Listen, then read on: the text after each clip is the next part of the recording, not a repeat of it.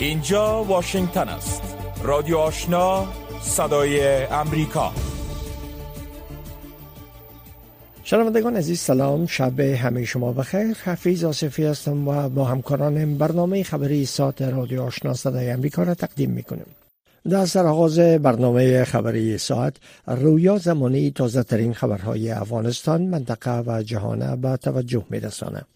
با تقدیم سلام.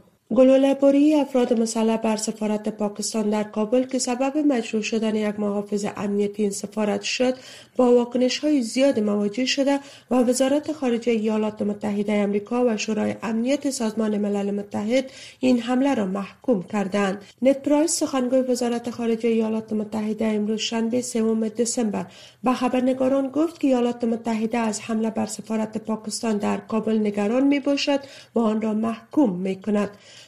در اثر گلوله‌باری روز جمعه دوم دسامبر بر سفارت پاکستان در کابل که شهباز شریف صدراعظم پاکستان آن را سوی قصد به جان شازافیر آن کشور خان یک محافظ امنیتی این سفارت زخمی گردید. در این حال وزارت خارجه پاکستان گفته است که هیچ نامه برای مسدود کردن سفارت و بیرون کردن دیپلمات های آن کشور از کابل وجود ندارد. همچنان وزارت خارجه پاکستان از مکالمه تلفنی بلاول بوتو زرداری وزیر خارجه آن کشور با امیر خان متقی سرپرست وزارت خارجه حکومت طالبان نیز خبر داده است. گزارشگری ویژه شورای حقوق بشر سازمان ملل متحد برای افغانستان از گزارش‌ها درباره کشتار غیر نظامیان توسط افراد طالبان در نیلی مرکز ولایت دایکندی ابراز نگرانی کرده و خواستار تحقیقات فوری در این مورد شده است. جزئیات بیشتر را از لیلما حبیب عظیمی مشنوید ریچارد بنت ناوقت روز جمعه دوم دیسمبر در پیام در توییتر گفته است که طالبان اعضای دو خانواده هزاره را به تاریخ 24 نوامبر به شمول یک زن و سه کودک کشتهاند. و گفته آقای بنت نیاز است تا یک تحقیقات مستقل، شفاف و فوری در این مورد صورت گیرد. اخیرا گزارش های بنش رسید که افراد طالبان به قریه سیوک از مربوطات نیلی مرکز ولایت دایکندی هجوم برده و دست به کشتار غیر نظامیان زده اند. اما عبدالنافع تکور سخنگوی وزارت داخله حکومت طالبان گزارش ها درباره کشتار غیر نظامیان و ویژه کودکان در ولایت دایکندی را رد کرده گفته است که تمامی افراد کشته شده بغاوتگران بودند تکور افزود که نیروهای طالبان پس از آن برای سرکوب یک گروه مسلح بغاوتگر در منطقه سیوک از مربوطات نیلی مرکز دایکندی دست به کار شدند که این افراد از گذاشتن سلاحهایشان به زمین خودداری کردند. وی افزود که نیروهای این گروه برای خل سلاح این افراد به محل رفته بودند که با واکنش آنان مواجه شده که در نتیجه ده تن به شمول یک تن از افراد این گروه کشته شدند. در تازه ترین مورد دفتر هیئت معاونت ملل متحد در افغانستان گفته است که در تلاش آن است تا حقایق در مورد رویداد هفته گذشته در سیوک از مربوطات نیلی مرکز دایکندی را روشن سازد. همزمان با روز جهانی افراد دارای معلولیت دفتر هماهنگی امور کمک های بشری سازمان ملل متحد در افغانستان یا اوچا می‌گوید که بر اساس تخمین ها 15 درصد از جمعیت افغانستان با معلولیت زندگی می کنند اوچا در پیام به مناسبت روز جهانی افراد دارای معلولیت امروز شنبه در توییتر گفته است که این افراد به طور نامتناسب تحت تاثیر بحران قرار گرفتند و در دسترسی به کمک های اولیه با مشکلات مواجه هستند. این اداره سازمان ملل متحد تاکید کرده است که در بخش کمک های بشر دوستانه به افغانستان باید به افراد دارای معلولیت اولویت داده شود. در همین حال وزارت شهدا و معلولین حکومت طالبان می‌گوید که در بیش از یک سال گذشته حدود 150 هزار فرد دارای معلولیت را ثبت کرده است. مفتی فیصل سخنگوی این وزارت روز شنبه سوم دسامبر به صدای آمریکا گفت که معلولین ملکی و نظامی به شمول نظامیان معلول دوره جمهوریت ثبت این وزارت می باشد با گفته سخنگوی وزارت شهدا و معلولین حکومت طالبان روند توزیع حقوق ماهانه و سایر حقوق معلولین در سال جاری آغاز شده است. و افزوده است که بیش از 120 هزار فرد دارای معلولیت حقوق سالانه و شش ماههشان را دریافت کردند. مفتی فیصل افزوده است که برای افراد دارای معلولیت در مرکز و ولایت برخی برنامه های آموزشی حرفه‌ای تدارک شده و شماری نیز به کار گماشته شدهاند. او گفت که حکومت طالبان برای افراد دارای معلولیت در ولایت های مختلف ویلچیر توضیح کرده و به بسیاری دیگر به جای اعضای قطع شده آنان اعضای مصنوعی ساخته شده است. هیئت معاونت سازمان ملل متحد در افغانستان یا یونما باری دیگر خواستار رهایی پنج فعال حقوق زن به شمول ظریفه یعقوبی شده است که آنان از یک ماه به این سو در بند طالبان به سر می‌برند. یونما روز شنبه سوم دسامبر در پیام در تویتر نگاشته است که از بازداشت ظریفه یعقوبی و همراهانش توسط طالبان یک ماه گذشت اما تا کنون از سرنوشت آنان خبری نیست. ملل متحد با ابراز نگرانی گفته است که در این مدت طالبان به اعضای خانواده های این فعالان حقوق زن اجازه ملاقات در زندان را ندادند. یونما اضافه کرده است که هیچ اطلاعات روشن در مورد اتهامات یا دلیل بازداشت این زنان توسط طالبان وجود ندارد. طالبان ظریفه یعقوبی مدافع حقوق زن و چهار نفر از همکاران مرد او را به تاریخ سوم نوامبر در جریان یک کنفرانس مطبوعاتی در غرب کابل بازداشت کردند. اخیرا سازمان عفو بین الملل گفته است که طالبان از آغاز ماه نوامبر ظریفه یعقوبی فرحت پوپلزی و همیرا یوسف سیزن مدافع حقوق بشر را در کابل بازداشت کردند و آنان در حال حاضر در بند این گروه به سر می‌برند. بازداشت این مدافعان حقوق بشر توسط طالبان در هفته های اخیر واکنش های زیادی را به دنبال داشته و پیش از این شازفیر ایالات متحده امریکا برای افغانستان گزارشگر ویژه ملل متحد شورای حقوق بشر این سازمان و یونما خواستار بیدرنگ این فعالان حقوق زن از بند طالبان شدند. کمیشنری عالی سازمان ملل متحد در امور پناهندگان یا UNHCR می‌گوید که 3.4 میلیون نفر در افغانستان آواره شدند که بیش از نیم از آنها را زنان و دختران تشکیل می‌دهند. به گفته این سازمان این وضعیت خطر خشونت علیه زنان و دختران را که به جبر بیجا شدن بیشتر می‌سازد. کمیشنری عالی پناهندگان سازمان ملل متحد به برخی از مواردی که خطر خشونت مبتنی بر جنسیت را برای زنان و دختران افزایش می‌دهد اشاره کرده است. در این میان افغانهایی که از هایشان بیجا شدن می‌گویند که با زندگی و وضعیت بدی روبرو هستند و چیزی برای خوردن ندارند. خبرهای منطقه و جهان را از رادیو آشنا صدای امریکا دنبال می کند. رافل گروسی رئیس سازمان بین المللی انرژی اتمی روز جمعه گفت که به نظر می رسد ایران با ناظر هسته سازمان ملل متحد بر سر معلوماتی که باید در مورد برنامه اتمی خود ارائه کند اختلاف دارد. آقای گروسی در کنفرانس در روم گفت که این سازمان باید روابط خود را با ایران به مسیر اصلی باز گرداند. او ابراز امیدواری کرد که تهران درباره کشف غیرمنتظره از آثار یورانیوم سه ساید اعلام نشده ای که چند سال پیش رخ داد توضیح ارائه دهد. گزارش اخیر سازمان بین المللی انرژی اتمی می‌گوید که ایران با بازگشت ناظر سازمان ملل متحد در نوامبر موافقت کرده است تا پاسخهای مورد انتظار را ارائه کند. با این حال این دیدار هنوز انجام نشده است. امانوئل ماکرون رئیس جمهور فرانسه روز گذشته وارد لویزیانا شد. تا روابط فرهنگی دیرینه ایشان را جشن بگیرد و در مورد سیاست انرژی و تغییرات اقلیمی بحث کند. این ایالت امریکا از لحاظ تاریخی با فرانسه همسو است. آقای ماکرون با رهبران سیاسی دیدار کرد و در محله تاریخی فرانسوی نیو اورلین قلب شهر قدم زد و با مردم صحبت کرد. این مقام فرانسوی همچنان با الن ماسک میلیاردر و مالک تویتر صحبت کرد. بر اساس گفته های مکرون صحبت ها روشن و واضح در مورد تویتر و استفاده محتویات درست آن بود. این صحبت ها با الن چند روز پس از آن صورت گرفت که مقام ارشد اتحادیه اروپا و مالک جدید این شبکه اجتماعی هشدار داد که این شرکت باید برای محافظت از کاربران در برابر محتوی های مضر بیشتر تلاش کند. این بازدید اولین دیدار یک مقام فرانسوی شهر لویزیانا ایالات متحده از سال 1976 به این سو است. شارل دوگل تنها رئیس جمهور دیگر فرانسه بود که در سال 1960 از لویزیانا دیدن کرد.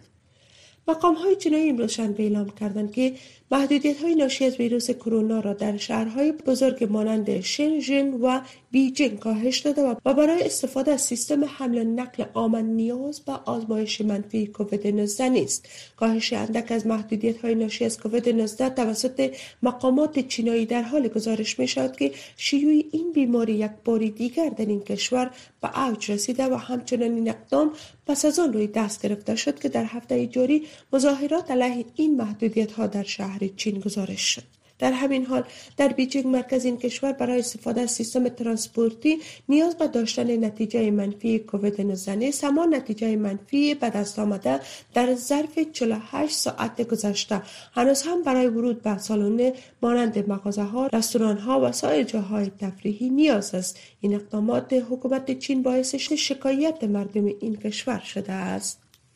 اداره جو بایدن رئیس جمهور ایالات متحده طرحهایی را بررسی می کند که بر اساس آن روند پناهندگی از طریق مرز مکزیکو به امریکا دشوارتر خواهد شد.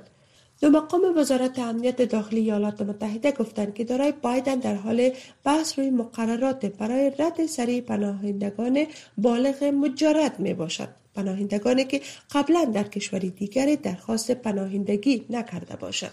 این مقام ها گفتند که این طرح شباهت زیاد به پالیسی های اعمال شده توسط دانالد ترامپ رئیس جمهور پیشین ایالات متحده دارد. آقای بایدن که خود یک دموکرات است پس از به قدرت رسیدن در ماه جنوری سال 2021 تعهد کرد که بسیاری از پالیسی های مهاجرتی سختگیرانه دانالد ترامپ رئیس جمهور پیشین این کشور را که یک جمهوری خواست تغییر خواهد داد. اما زمان گرفتن تصدی ریاست جمهوری در سال 2021 اداره بایدن هم از نظر عملیاتی و هم از نظر سیاسی با تعدادی به پیشیره پناهجویان غیرقانونی در مرز مکزیکوی امریکا مواجه است. وزارت خارجه اوکراین می‌گوید که وقت آن فرا رسیده که سیستم های دافعی میسایل نو پاتریوت به این کشور داده شود. دیمیترو کلبا به تلویزیون سینن گفت که کیف در آغاز حمله روسیه به اوکراین خواستار این تجهیزات نظامی شده بود و حتی قبل از جنگ نیز این تقاضا را داشت. آقای کلبا افزود که او در مورد با همتایان امریکایی و آلمانی خود صحبت کرده و فراهم کردن این سیستم ها یک کمک بزرگ به اوکراین خواهد بود. اما هنوز از سوی امریکا و ناتو کدام تصمیم در این مورد گرفته نشده است. شنونده های محترم این بود مشروع خبرها. تا این لحظه از امواج رادیو آشنا صدای امریکا. شنوندگان گرامی رادیو آشنا صدای امریکا. نشرات رادیو آشنا را در موج متوسط 1296 موج کوتاه 11575 اعشاری صفر و در موج 972 کیلوهرتز شنیده می توانید. خبرهای افغانستان منطقه و جهان از رادیو آشنا صدای امریکا شنیدین. آل هم گزارش های ای برنامه. به دنبال حمله مسلحانه به سفارت پاکستان در کابل سرپرست وزارت خارجه حکومت طالبان با وزیر خارجه پاکستان در مورد حمله تلفنی صحبت کرده کارشناسا به یقید هستند که این حمله زنگ خطر بر پاکستان است و پیامدهای منفی بر روابط دو جانب خواهد گذاشت جزیات بیشتر در این گزارش میشنویم ساعات پس از گلوله‌باری بر سفارت پاکستان در کابل وزارت خارجه حکومت طالبان گفت که ارگز اجازه نخواهد داد که عوامل بدخواه امنیت نمایندگی دیپلماتیک در کابل را تضعیف کنند. همچنان سرپرست وزارت خارجه حکومت طالبان ناوقت جمعه با وزیر امور خارجه پاکستان در مورد این حمله تلفنی صحبت کرده است. زیا احمد تکل معاون سخنگوی وزارت خارجه حکومت طالبان روز شنبه با فرستادن پیام برسانه ها در رابطه با این مکالمه تلفنی گفت آقای متقی گلوله‌باری بر سفارت پاکستان در کابل را محکوم کرد و اطمینان داد که به امنیت سفارت توجه ویژه خواهد شد و برای شناسایی و محاکمه عاملین این حادثه تلاش کامل صورت خواهد گرفت. آقای تکل با نقل از وزیر خارجه پاکستان گفت که این گونه حوادث منجر به تخریب روابط افغانستان و پاکستان نخواهد شد.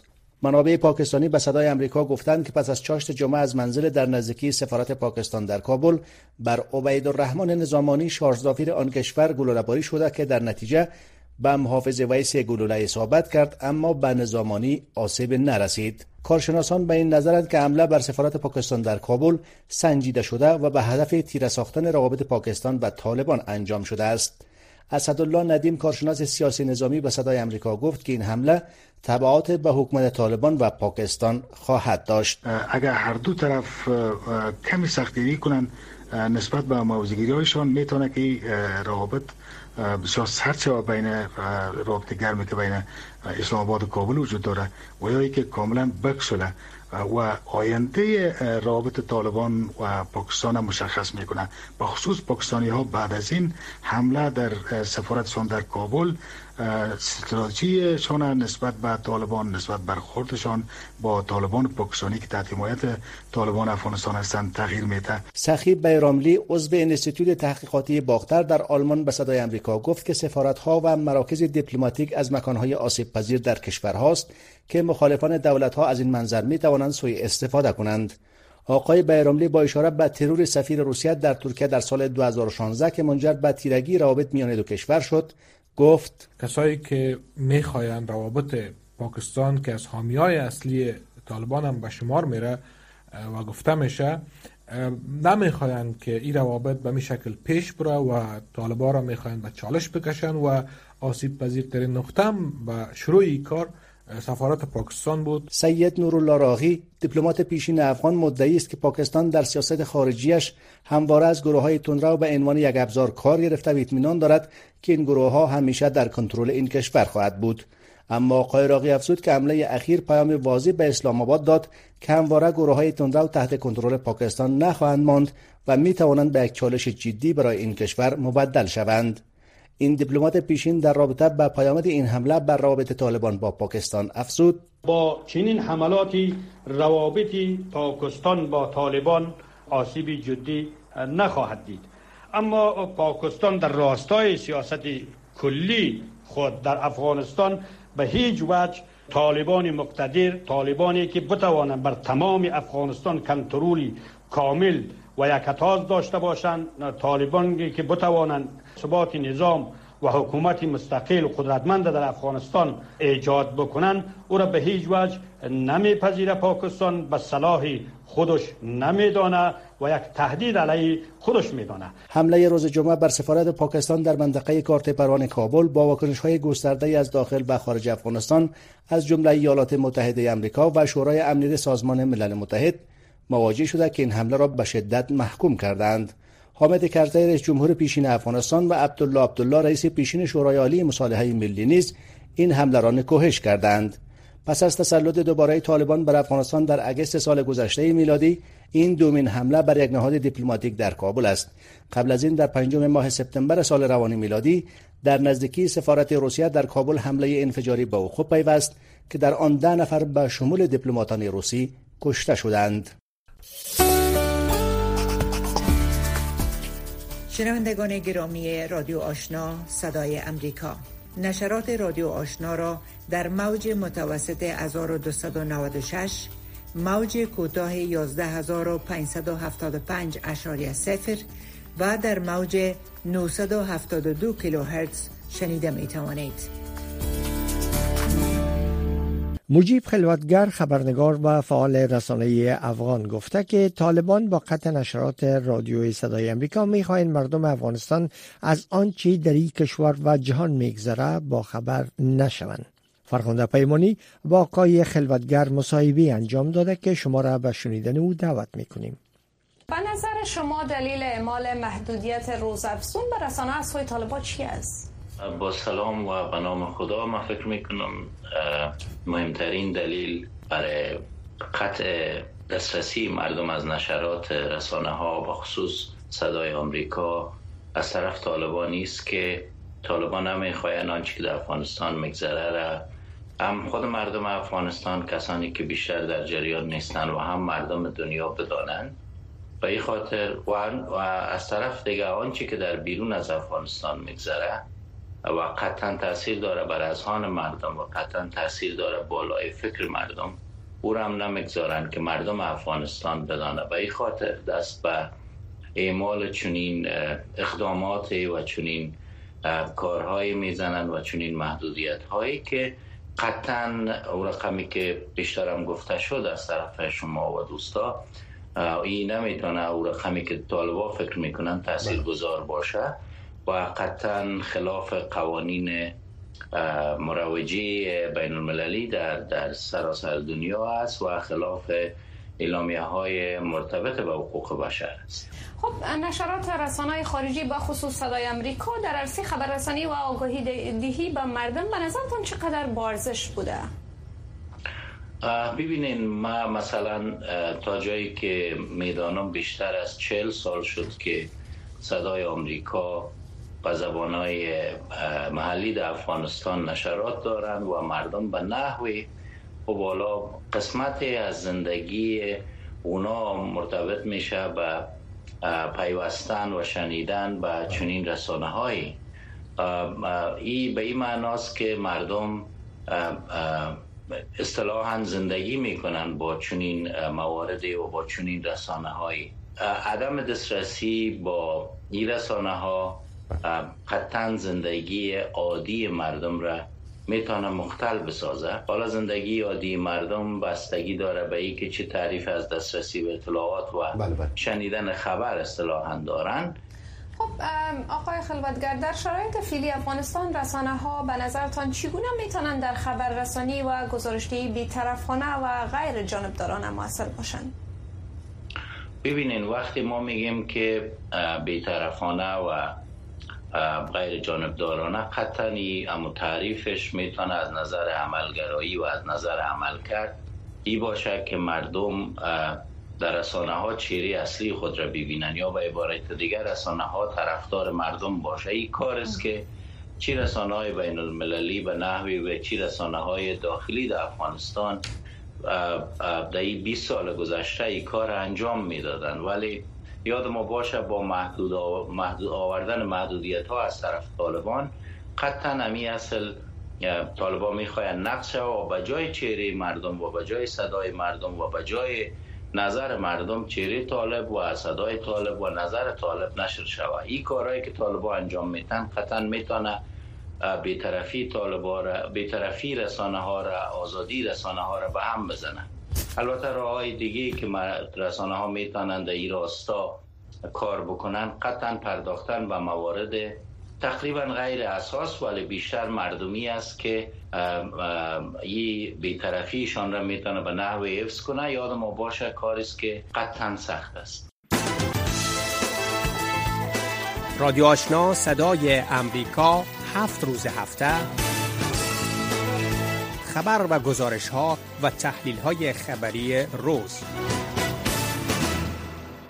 شورشیان جنبش 23 مارچ در جمهوری دموکراتیک کانگو اتهامات اردو را مبنی بر اینکه اونا به کشتار غیر نظامیان دست زدن رد کردند. زیرا آتش بس میان طرفین فسخ شده. صدای امریکا در این مورد گزارش دارد که جزئیات او را از لیل محبیب عظیمی میشنویم جنرال سیلون اکینگی شورشیان جنبش 23 مارچ موسوم به M23 و حاملان رواندایی آنها را به هدف قرار دادن غیر نظامیان کانگو متهم کرد و در یک کنفرانس مطبوعاتی در کینشاسا گفت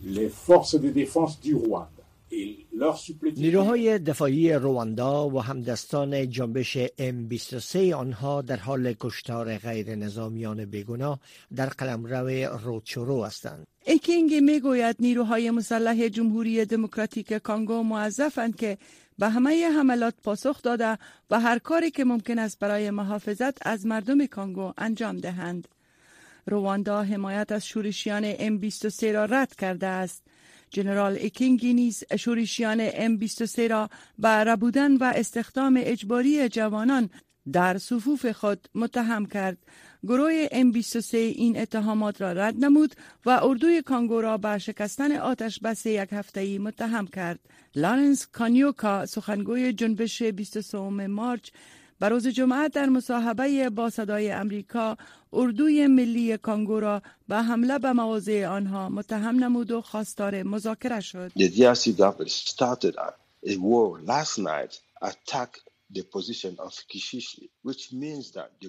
دولت جمهوری دموکراتیک کانگو شب گذشته جنگ را آغاز کرد و به موضع کیشیشه حمله کرد.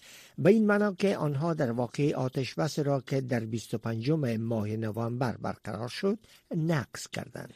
جنرال ایکینگی گفت نیروهای کانگو آتش بس را حفظ کردند. آتش بس میان فلیکس شیسکدی رئیس جمهور کانگو و پال کاگاما رئیس جمهور رواندا در نشست 23 نوامبر در انگولا توافق شد. شورشیان M23 بخشی از این معامله نبودند اما تا روز پنجشنبه گذشته هیچ درگیری میان دو طرف گزارش نشده بود. شورشیان M23 از قوم توتسی هستند که می‌گویند دولت برای ادغام آنها در اردو توافق را شکسته است آنها تصرف مناطق را در ماه نوامبر سال گذشته آغاز کردند و در اکتبر امسال به سمت شهر گوما حرکت نمودند جامعه شرق افریقا صدها سرباز را از بروندی و کینیا به عنوان بخش از یک نیروی منطقه‌ای برای سرکوب خشونت مستقر کرده است. نایروبی این هفته همچنین میزبان گفتگوهای صلح با رهبران منطقه و برخی از گروه های شورشی بود. نمایندگان M23 به مذاکرات دعوت نشدند زیرا کینشاسا می گوید که تا زمانی که سرزمین های اشغالی را رها نکنند با آنها تعامل نخواهد کرد.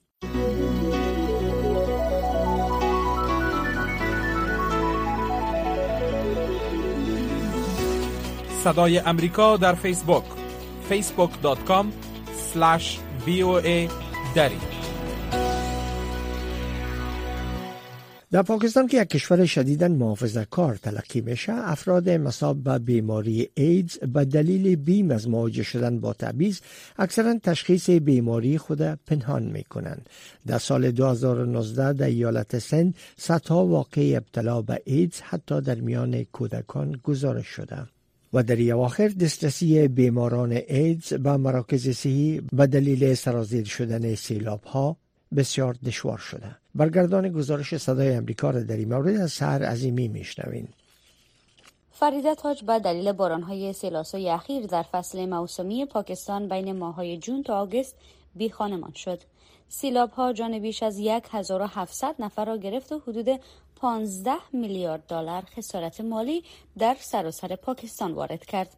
اما برای تاج هیچ چیز مهمتر از سلامتی دخترش نیست. یک و نیم سال قبل تشخیص داده شد که این کودک پنج ساله اچ دارد. او برای من بسیار شیرین و عزیز است. من هیچ نمی‌فهمم این بیماری از کجا آمده است. دخترم از کجا به این بیماری مبتلا شده این موضوعی است که من را بیشتر نگران می کند دختر تاج که باید تا آخر عمر دوا مصرف کند تنها کودک مبتلا به ایچ در ایدز در منطقه نیست. در سال 2019 بیش از 100 کودک در منطقه راتورودوی ایالت سند با اچ مثبت آزمایش شدند.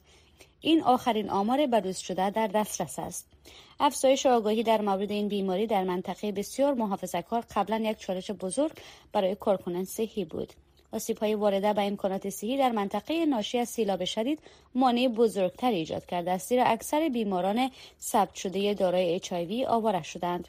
کارکنان صحی میگن که تمام تلاش خود را برای کمک به بیماران انجام می‌دهند. دکتر شهید حافظ ممون از مرکز اچ در راترودو می‌گوید. برخ از بیماران به ما گفتند که به دلیل سیلاب ها نمی توانند به ما مراجعه کنند. بنابراین اغلب دواها را به آنها تحویل می دادیم ما در طول فصل سیلاب فعالیت داشتیم و بزرگترین چالشی که با آن روبرو بودیم این بود که نمی توانستیم طفل ها را ببینیم. والدین آنها اغلب می آمدن و دواها را می گرفتن. کارکنان صحت می‌گویند که بیش از 2100 مورد اچ در منطقه راتوردو ثبت شده است. بیش از 1400 نفر از این موارد کودکانند. ویرانی های ناشی از سیلاب ها ممکن است در نهایت به پایان برسد اما به گفته والدین کودکان مبتلا به اچ این کودکان به سختی می توانند از اظهارات و نگاه های پیش مردم عبور کنند کارکنان طبی در این منطقه می‌گویند هر کاری از دستشان برمیآید انجام می‌دهند و به مردم توصیه می‌کنند از بیماری فاصله بگیرید نه از مبتلایان به بیماری.